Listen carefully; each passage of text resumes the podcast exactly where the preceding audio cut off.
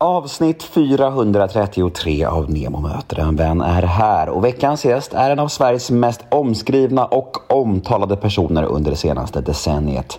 Han gjorde sitt namn som en slags oberoende flygande journalist och eh, ja, herregud vilket kaos det har varit kring honom.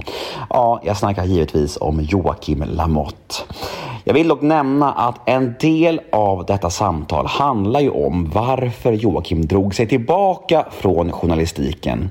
Men dagen efter vår inspelning så bestämde sig Joakim för att göra comeback inom detta.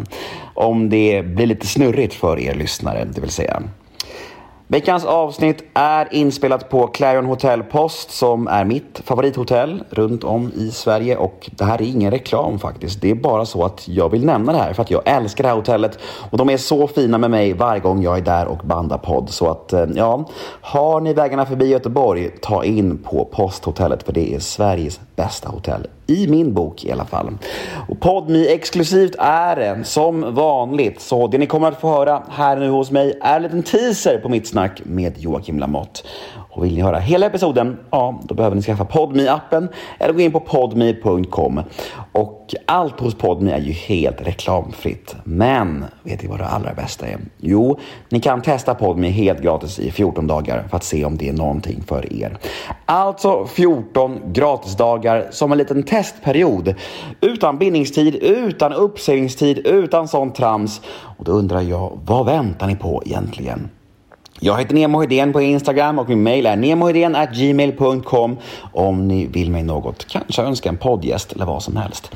Och den här podden klipps av Daniel Eggemannen Ekberg. Men nu ska jag inte babbla mer. Nu drar vi igång avsnitt 433 av Nemo möter en vän.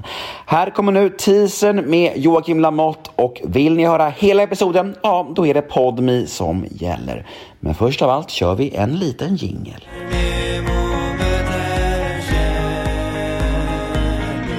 Kan du känna att du vill tillbaka då in i SVT? För att nu, nu är det okej. Okay.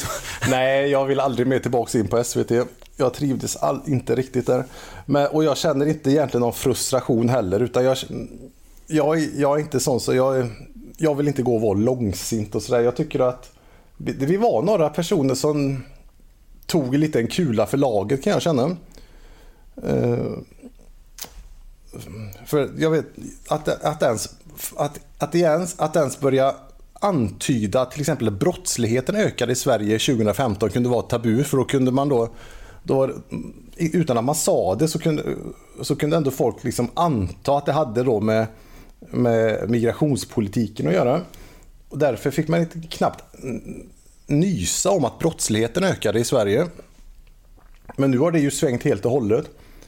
Eh, till slut fick ju, blev ju till och med Stefan Löfven då tvungen att gå ut och säga att ja, men migra, migra, alltså, migrationen har påverkat brottsligheten i Sverige. Och det sa han 2021. Så lång tid tog det för honom då att gå ut i media att erkänna detta. Så, men jag känner ingen frustration över det. Men jag tycker att det är, det är intressant. Och jag har ju suttit, när jag skriver den här boken så har jag gått igenom vad, vad som har hänt under de här åren, vad politikerna sa och hur det blev. Så kan man väl säga. Och, nej, men det, blir, och det blir som ett tidsdokument över några år i Sveriges historia. Jag kan hålla med om det här du säger delvis det här med att eh, folk har spelat rasistkortet alldeles för lätt. Det har varit så. Det, det, då tror jag alla liksom ser. Men, men kan det inte slå över åt andra hållet då tänker jag? Eftersom att det nu är helt okej okay att och, och, och nämna det här som du pratar om. Att det blir liksom för långt åt andra hållet. Ja, alltså, allting går ju i vågor. Eh, och eh, visst, så, så kan det kanske bli.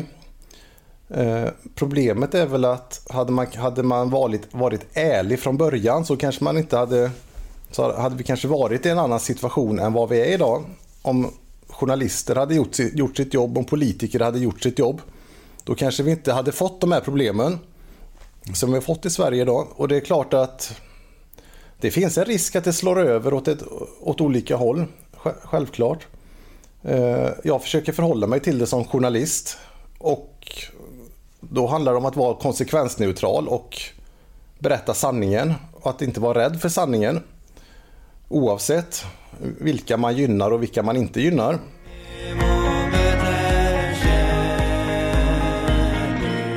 Ja, men där var ju teasern redan över. Där var smakprovet med Joakim Lamotte slut.